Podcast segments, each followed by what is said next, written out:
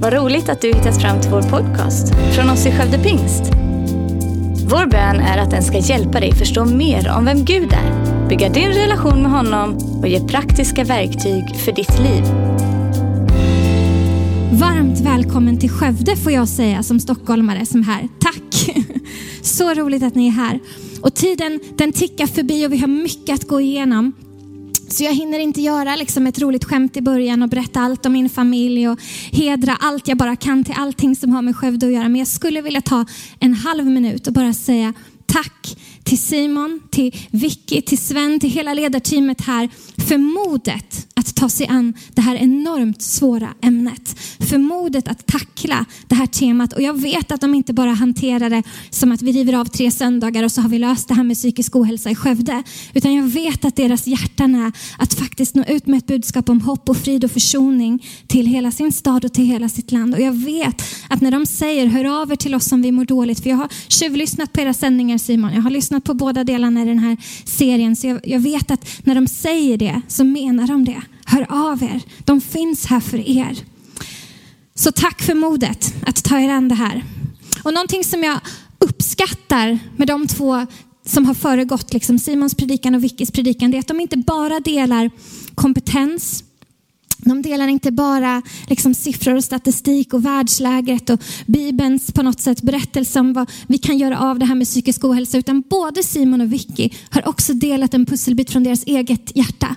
Från deras eget perspektiv, från deras egen story, vad de själva har för erfarenhet och vad de själva har mött och vad de själva har sett och vad de själva känner inför det här området. Och det tror jag är nyckeln. Jag tror att det är precis hela nyckeln om vi ska våga tackla ett sånt här område.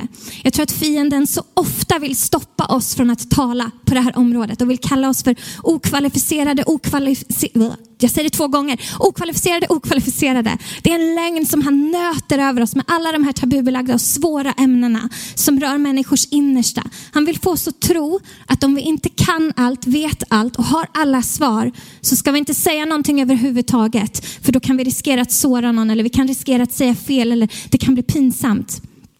Men det är en lögn. Och vi som går med Jesus, vi vet att det är lögnen. Och hur svarar vi på lögner? Med han som är sanningen. Vi svarar på lögner med att fokusera på Jesus. I Johannes 14 och 6 så står det att Jesus är sanningen. Han säger om sig själv att han är sanningen, vägen och livet. Och i Johannes 8.32 så står det att ni ska lära känna sanningen och sanningen ska göra er fria. Det betyder att vi ska lära känna Jesus, personen Jesus som är sanningen. Och då ska han ge oss perspektiv på allt det där som vi möter, allt det där som vi står i. Vi lyfter blicken och fokuserar på vad han som är sanningen säger om psykisk ohälsa. Och det som Jesus säger om psykisk ohälsa, det är att han själv är hoppet. Att han själv är friden. Att han själv är kärleken, upprättelsen, försoningen, helandet. Och så säger han om oss att vi är placerade i honom. I Efesierbrevet 2.6 så står det att han har placerat oss i sig själv i himmelska platser. Det betyder att vad vi än möter här på jorden så är vårt perspektiv inte vad vi ser först och främst, vad vi möter först och främst, hur stort berget är, hur stor utmaningen är. Utan vårt perspektiv är alltid på vad han som redan säger om sig själv, vad står det? Ni har bibelordet där också med, förlåt att jag är så snabb, att han har besegrat världen. Han säger i världen får ni lida, men oroa er inte, för jag har besegrat världen.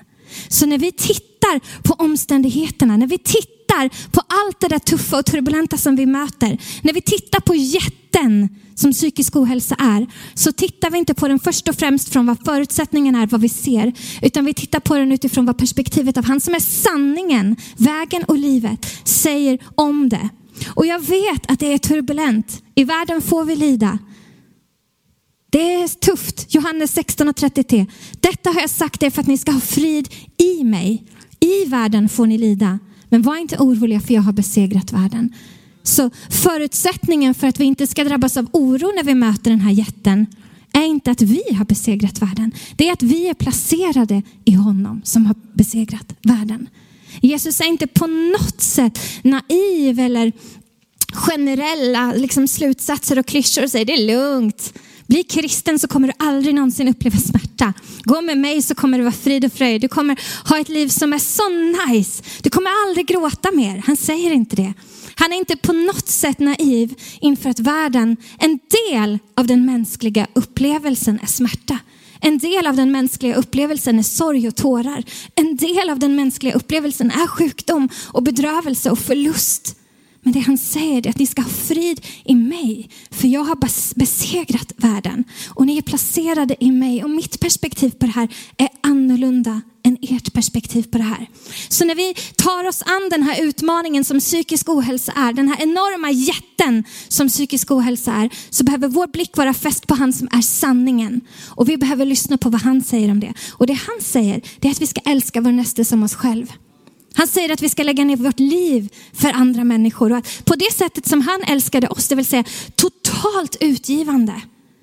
Han gick in i den mänskliga upplevelsen och kände allt, upplevde allt. Ångest, smärta, svaghet, sårbarhet. Jesus var fullständigt medveten och är fullständigt medveten om vad det är att vara människa.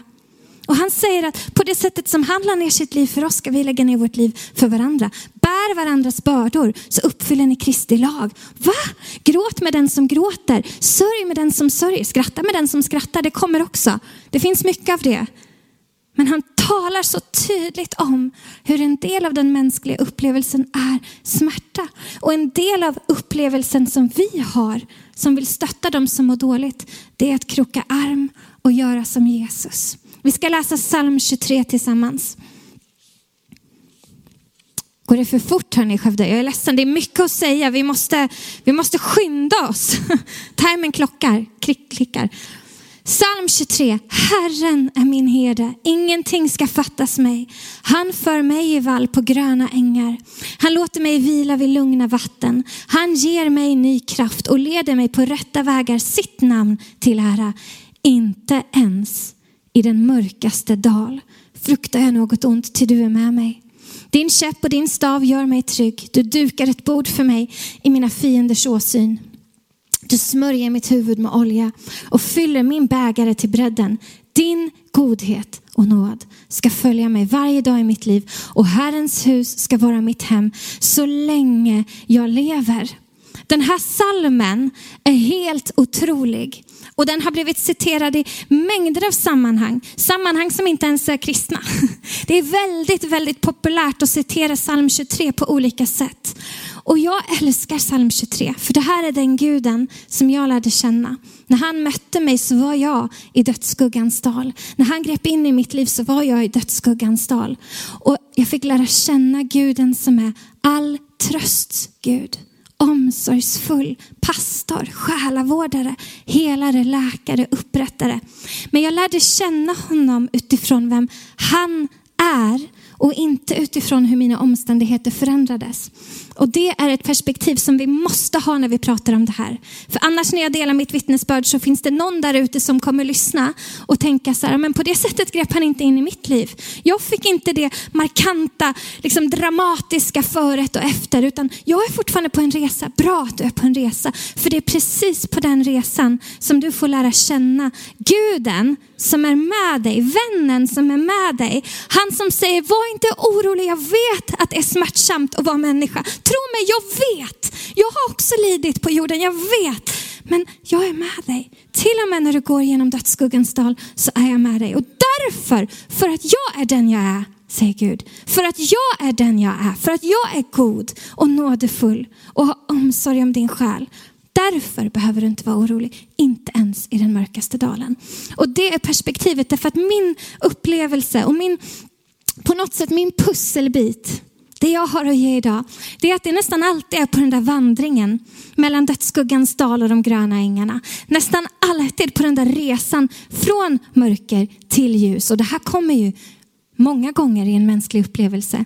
Det är inte som att det sker en gång och sen griper Jesus in och sen är resten av dagarna frid och fröjd för alltid. Utan det går ju upp och ner att vara människa.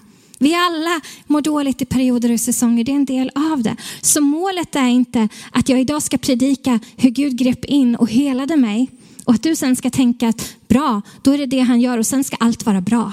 Nej, målet är de nycklarna jag fick tag på, på vandringen mellan dödsskuggans dal och de gröna ängarna. För de säger något om vem han är. Och om de säger något om vem han är så säger de någonting om vem jag är.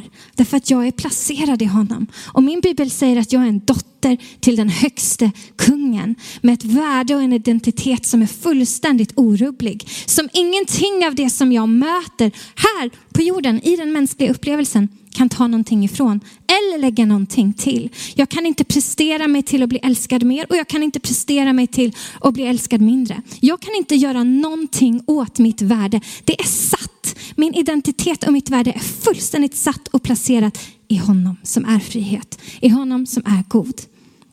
Så det är vår inledning. Att alla dagar, om han går med oss alla dagar så betyder det också dagarna då vi inte mår bra. Om han är god och nådefull och kärleksfull då betyder det också alla dagar. Till och med de dagarna då vi inte lyckas med någonting. Och vi vet i Romarbrevet 8.28 så finns det ett väldigt, väldigt väl citerat bibelställe. Det står att vi vet att allting samverkar till det bästa för de som älskar Gud, som är kallade efter hans beslut. Och väldigt, väldigt länge kunde jag inte se det. Väldigt, väldigt länge kunde jag inte se hur någonting av det som jag stod i, levde i, samverkade till det bästa. Utan det mesta verkade bara samverka till kaos och katastrof. Det mesta verkade bara samverka till att det blev sämre, att det blev värre och att jag mådde fruktansvärt. Men det jag har lärt mig på min resa är att det samverkar inte utifrån att mina omständigheter blir det bästa. Det samverkar utifrån att Gud är den bästa. Det samverkar utifrån att han är den han är. Inte att mina förutsättningar är vad de är. Därför att jag vet vad det är att gå genom dödsskuggans dal. Och jag vet vad det är att gå genom den där mörkaste dalen utan att kunna säga, men jag fruktar inget ont för du är med mig. När jag gick genom dödsskuggans dal kände jag inte Jesus. Jag hade inget hopp om att det var någon som gick med mig i den där dalen, utan jag gick ensam vad jag själv visste om. Och det var väldigt, väldigt hopplöst och väldigt, väldigt mörkt och väldigt, väldigt ensamt. Och ensamhet, det är en av de absolut värsta faktorerna för psykisk ohälsa. Att inte kunna dela med sig, att inte kunna dela med sig av bördan så att den blir lite lättare att bära. Och att heller inte kunna få någon att bolla sina tankar med som hör vad man säger och kan reflektera tillbaka vad som är rimligt i det man säger. Jag var väldigt, väldigt ensam. När jag var barn så var det mycket som gick sönder. Min familj gick sönder, mina föräldrar skilde sig, min mamma fick cancer och jag var nära på att förlora henne. Och I samma veva som det så hamnade jag i väldigt, väldigt stökiga gäng och destruktiva relationer och hamnade i cykler av brustenhet cykler av att det liksom gick inte att ta sig ur. Det var som att jag fastnade i ett hjul och, och så fick jag skam och skuldkänslor för att jag var fast i det där hjulet. Och det enda sättet att dämpa den ångesten var att liksom fortsätta spiralen. Det var fruktansvärt. Jag hade ett självskadebeteende, panik och ätstörningar, sömnsvårigheter, magkatarr, konstant ont i huvudet och nacke. Och allt det här var egentligen bara symptom på någonting på min insida som hade gått sönder. När min värld gick sönder, när min familj gick sönder, när jag trodde att min mamma skulle dö och när i samma veva som det så flyttade min bästa vän en sån enkel sak som att en bästa vän flyttar när man är barn, när många andra av de här grundpelarna också har ruckats på, kan skaka det så fruktansvärt mycket. Så jag hade ett inre kaos och en, en inre ångest som jag inte visste vart jag skulle göra av den. Jag hade så, så, så turbulenta år och mådde så dåligt. Och jag hade inte Jesus. Jag hade inget sätt att greppa tag i den där käppen och staven som skulle trösta mig och som skulle säga okej, okay, men jag är här i dödsskuggans dal. Men, men det står att jag ska fortsätta gå. Inte ens när jag går igenom dödsskuggans dal, inte ens när jag går igenom den mörkaste dalen. Notera att bibelordet inte säger, inte ens när du slår läger i dödsskuggans dal och kampar där i väntan på bättre tider, utan dödsskuggans dal det är någonting vi passerar igenom. Vart vi är placerade i Jesus, det är fast. Att vi är placerade och sitter i honom, det är någonting som inte förändras. Det är klart, det är färdigt. Men i dödsskuggans dal, där är det en resa. Den är det aldrig tänkt att vi ska kampa i.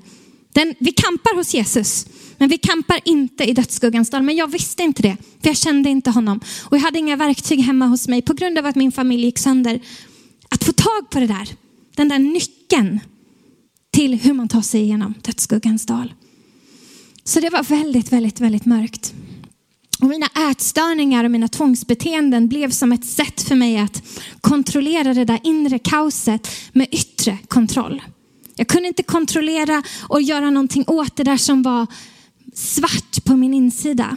Men jag kunde banne mig kontrollera vad jag åt. Jag kunde kontrollera vad jag stoppade i mig. Jag kunde kontrollera vågen. Jag kunde kontrollera grammen. Jag kunde kontrollera de här hysteriska träningsövningarna som jag gjorde och mina hysteriska promenader där jag visste efteråt att det kom alltid ett litet rus av tillfredsställelse. För jag hade gjort någonting för att ta kontroll över mitt kaos.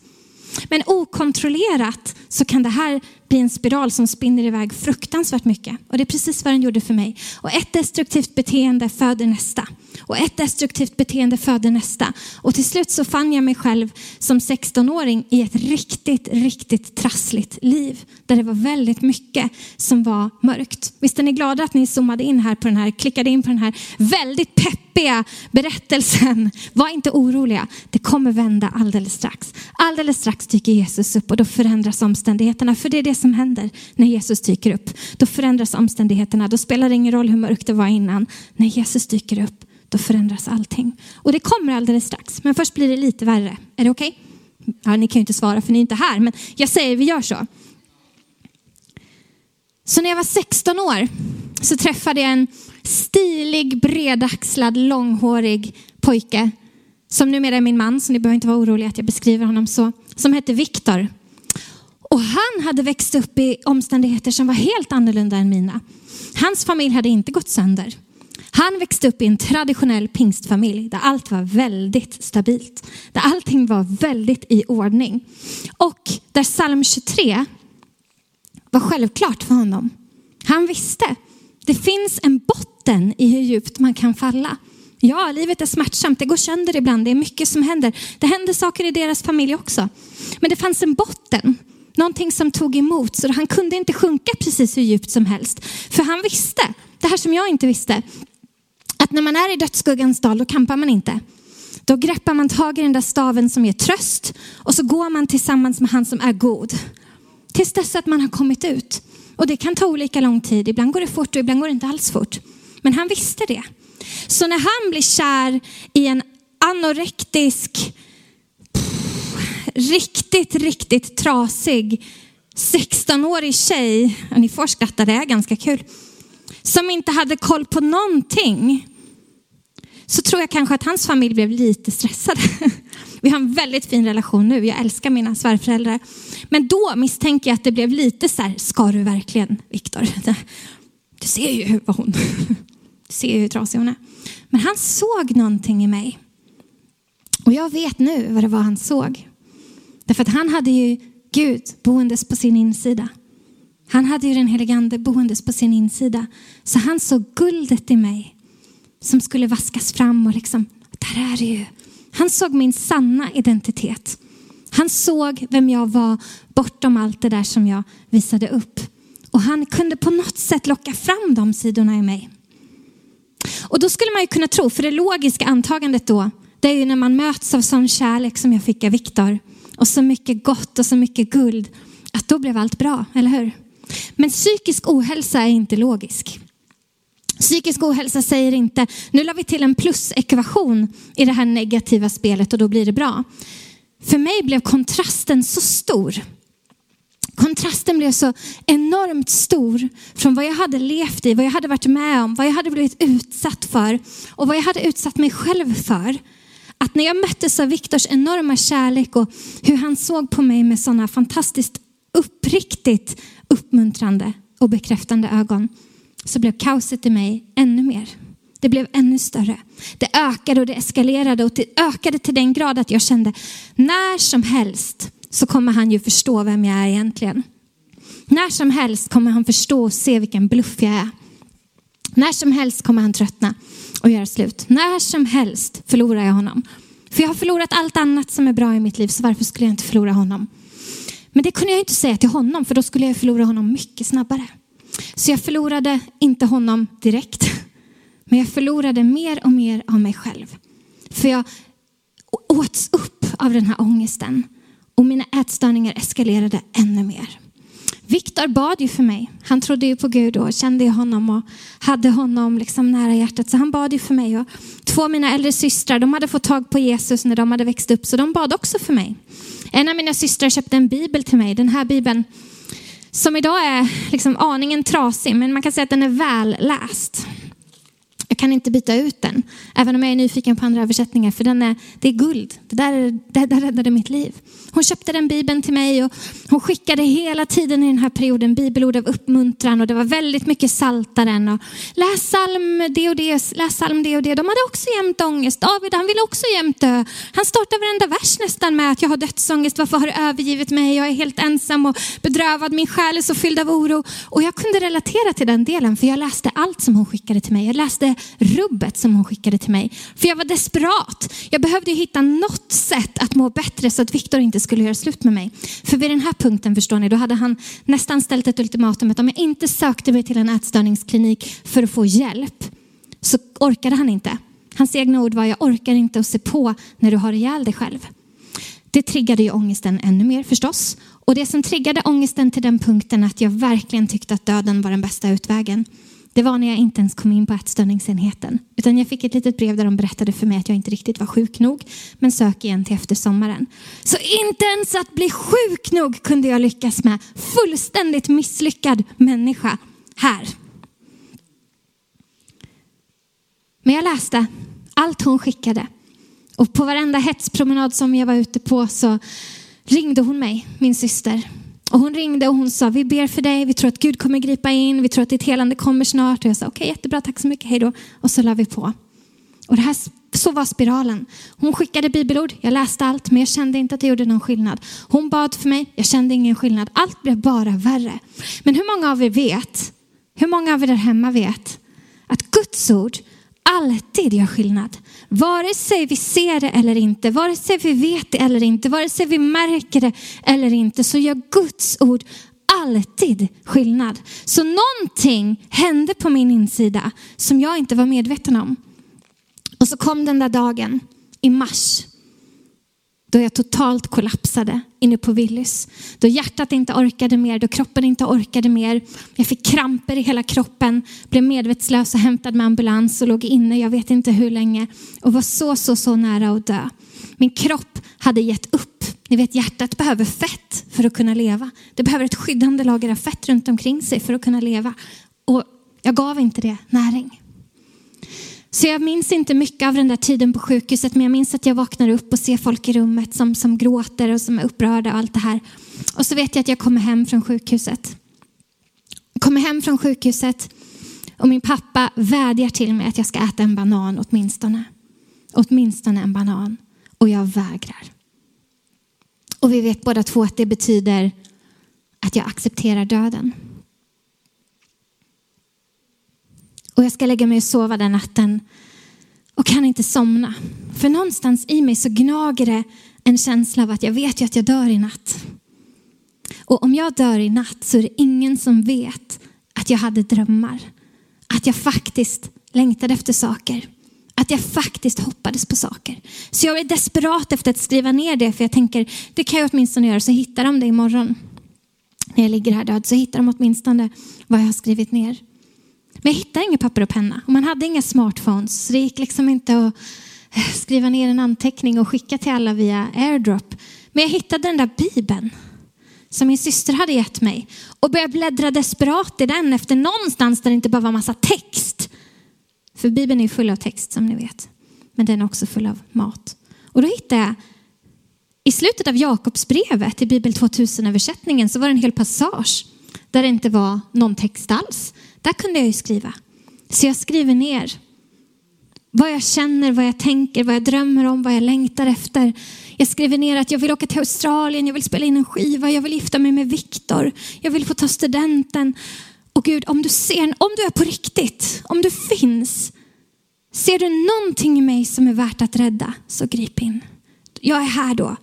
Och så tänker jag för säkerhets skull, så är det bäst att jag gör sådär som jag har sett att de gör i amerikanska filmer. Så jag sätter mig på knä vid sängkanten och Gud. Och någonstans där så stannar jag upp och tänker att men om han är på riktigt. om han är på riktigt så känner han ju mig. Och då vet han ju vem jag är. Och då behöver jag inte be på det sättet. Då kan han ta mig precis som jag är. Så jag säger, just nu är allting skit och jag vill bara dö. Men någonting i mig säger att jag, jag vill leva. Och om du är på riktigt, om du ser någonting i mig som är värt att rädda, då är jag din. Och är du på riktigt, då känner du mig. Och då vet du att då får du allt. Då får du 100 procent. Och så nöjer jag mig med det och tänker det var en bra bön. Är Gud på riktigt, då svarar han lätt på den. Lägger mig och sover, vaknar dagen därpå, går ut på min hetspromenad som vanligt. Känner ingen skillnad överhuvudtaget. Min syster ringer som hon alltid, alltid, alltid gjorde. Men den här gången så säger hon inte det hon brukar säga, utan hon säger Kristin, nu kommer ditt helande. Nu ska du få bli frisk. Gud har svarat på bön. Och vi lägger på. Och jag flippar ut. Jag går där i skogen och bara, nu kommer Jesus! Jag minns, jag gick så här och tittade bakom tallarna och bara, han dyker upp när som helst, för det är nu han kommer. Jag har bett, det är lika omöjligt för mig att han ska dyka upp i egen hög person som att jag ska kunna ta mig ur den här destruktiva cykeln. Det är lika omöjligt och orimligt för mig att jag ska kunna faktiskt må bra och känna mig glad när jag ser mig själv i spegeln som att Jesus dyker upp i egen hög person och säger, jag älskar dig, jag är din, nu blir du helad. Det var lika rimligt för mig. Han dök inte upp på det sättet. Telefonen ringer däremot igen. Och jag svarar. Och en darrig röst på andra sidan säger, är det här Kristin? Ja, det är Kristin. Det här är överläkaren och så säger han namnet på den här kliniken som vi hade sökt till där jag hade fått avslag en tid tidigare där jag inte skulle få komma förrän till efter sommaren. Kristin, vi har en plats till dig. Du ska få bli frisk nu. Och så säger han samma ord som min syster sa. Och jag tänker, shit, nu kommer Jesus! Så kände jag, förlåt för webbstreamingen att jag skrek, men det var precis så det kändes. Och vi lägger på. Och han frågar mig innan vi lägger på, vad gör du imorgon? Kan du komma hit imorgon? Och det här var mars månad. Och jag hade bara död på agendan, så jag tänkte visst, jag kommer. Jag kommer. Kommer dit. Lovsångsteamet, ni får jättegärna komma upp. Jag kommer dit. Skrivs in. Och när jag säger mitt namn i receptionen så tittar sköterskan upp och säger, är det du som är Kristin? Ja, det är jag som är Kristin. Ja, han vill träffa dig. Och så får jag komma upp till kontoret och sitta mitt emot den här överläkaren som med tårar i ögonen tittar på mig och säger, är det du som är Kristin? Ja, det är jag. Vad är det han vill mig liksom? Han kunde lika gärna varit Jesus för mig. För det var precis så det kändes. Så säger han, du ska få bli frisk nu. Och jag säger, ja, absolut. Vi går ner. De ska ta alla mina prover. Sköterskan, hon är lite bedrövad när hon tar mina prover och har inte riktigt sådär bra professionell etik så att hon kan säga liksom, oh, nej men det här ordnar sig. Utan hon säger, oj, oj, oj vad du har förstört dig själv. Och även om du börjar äta nu så kommer det dröja år innan du blir frisk. Okej, okay, säger jag. Och i mitt huvud tänker jag, antingen gäller det eller så gäller Jesus. De tar ut mig i matsalen och de ska visa mig hur man ska äta och de rekommenderar att man börjar med någonting väldigt neutralt, filmjölk, gröt eller vad det är. Och jag hör vad de säger men jag tänker antingen så gäller det eller så gäller Jesus. Så jag ser spaghetti och köttfärssåsen och tänker japp, den tar vi. Slevar upp en stor portion spagetti köttfärssås med parmesan och med ketchup för det är det enda sättet att äta det. Börjar äta och njuter av mat för första gången på flera, flera, flera, flera, flera år. Och i den stunden så var min kropp helad. Det var helt otroligt. Men de flippar ju ut och tar mig och lägger mig på någon brits för de tänker att mina tarmar typ ska explodera eller någonting för man kan ju inte börja äta spagetti och köttfärssås när man inte ätit mat på flera år. Men jag har inte så mycket som ett magknip, inte en fjärt i fel riktning. Jag mår hur bra som helst. Och när jag skrivs ut tre månader senare så finns det inget spår i något av mina värden på att jag någonsin har varit sjuk. Och sköterskan säger så här, vi har aldrig sett det här förut. Det här är omöjligt. Det är som att någon, och lyssna på det här nu. Det är som att någon har raderat sjukdomen. Det finns inga tecken på att du någonsin har varit sjuk. Och jag skriker, det är Jesus! Och hon säger, ja, jag har inget annat alternativ så det måste väl vara det. Jag skrivs ut därifrån. Viktor och jag börjar gå till kyrkan, jag döper mig, tar emot den helige ande och där börjar min resa från dödsskuggans dal till de gröna ängarna. Och på den resan som var flera år lång så fick jag lära känna Guden som låter sin godhet och nåd gå med mig alla dagar, till och med de dagarna då jag mådde dåligt. Min kropp blev helad direkt. Jag hade aldrig mer en destruktiv tanke om vad jag åt. Aldrig mer. Det är helt otroligt. Men min ande och min själ hade jag brutit ner och hade brutits ner av saker som hade gjorts mot mig och sagts om mig och som jag hade sagt om mig själv under så, så, så lång tid att det tog väldigt lång tid att bygga upp det igen. Ni vet i Johannes 11 där Jesus väcker upp Lazarus från de döda och Lazarus kommer ut. Hans kropp var rutten men plötsligt är han levande. Men han är bunden i lindor runt hela kroppen. Och han har en duk för ögonen, han ser ingenting. Så var det för mig.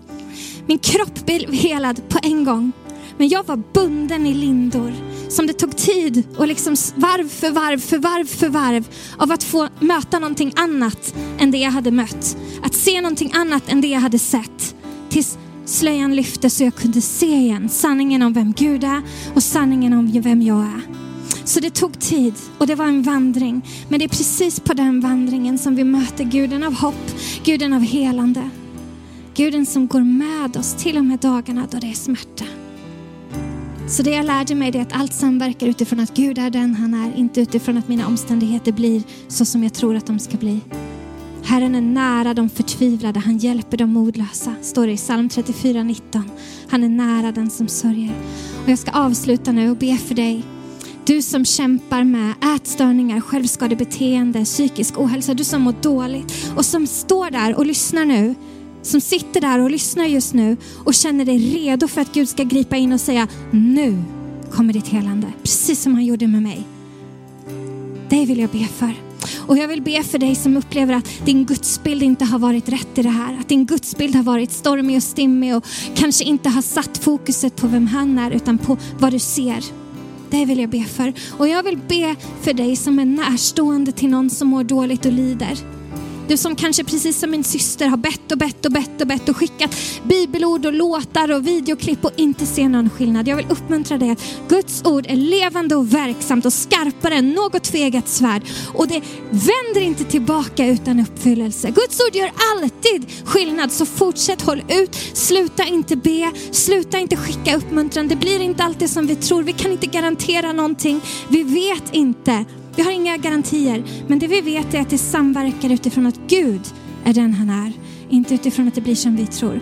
Så pappa Gud, jag tackar dig för att jag får vara en dotter till den högste kungen. Och jag tackar dig för alla söner och döttrar där ute som du älskar, som du älskar så oerhört mycket, som du vill se fria, som du vill se hela, som du vill se upprättade, som du vill se läkta, som du vill se upplindade från de där lagren av bojor och bindor som håller dem fångna i negativa mönster som är blinda och inte kan se dig rätt och inte kan se sig själva rätt. Jag vill be för dina barn där ute Gud. Kom och grip in. Lossa bojor idag. Kom med befrielse, kom med helande, kom med upprättelse och kom och bygg vår tro och förväntan på vem du är. Kom och bygg vår tro och förväntan på vad som är möjligt i dig. Kom och bygg vår tro och förväntan på ditt namn Jesus som står över alla andra namn. I Jesu namn. Du lyssnat. Dela gärna podden med dina vänner och glöm inte att prenumerera så du inte missar nästa predikan. Om du har några frågor eller vill att vi ska be eller tacka för något tillsammans med dig så får du gärna höra av dig till kyrkan skövdepingst.se.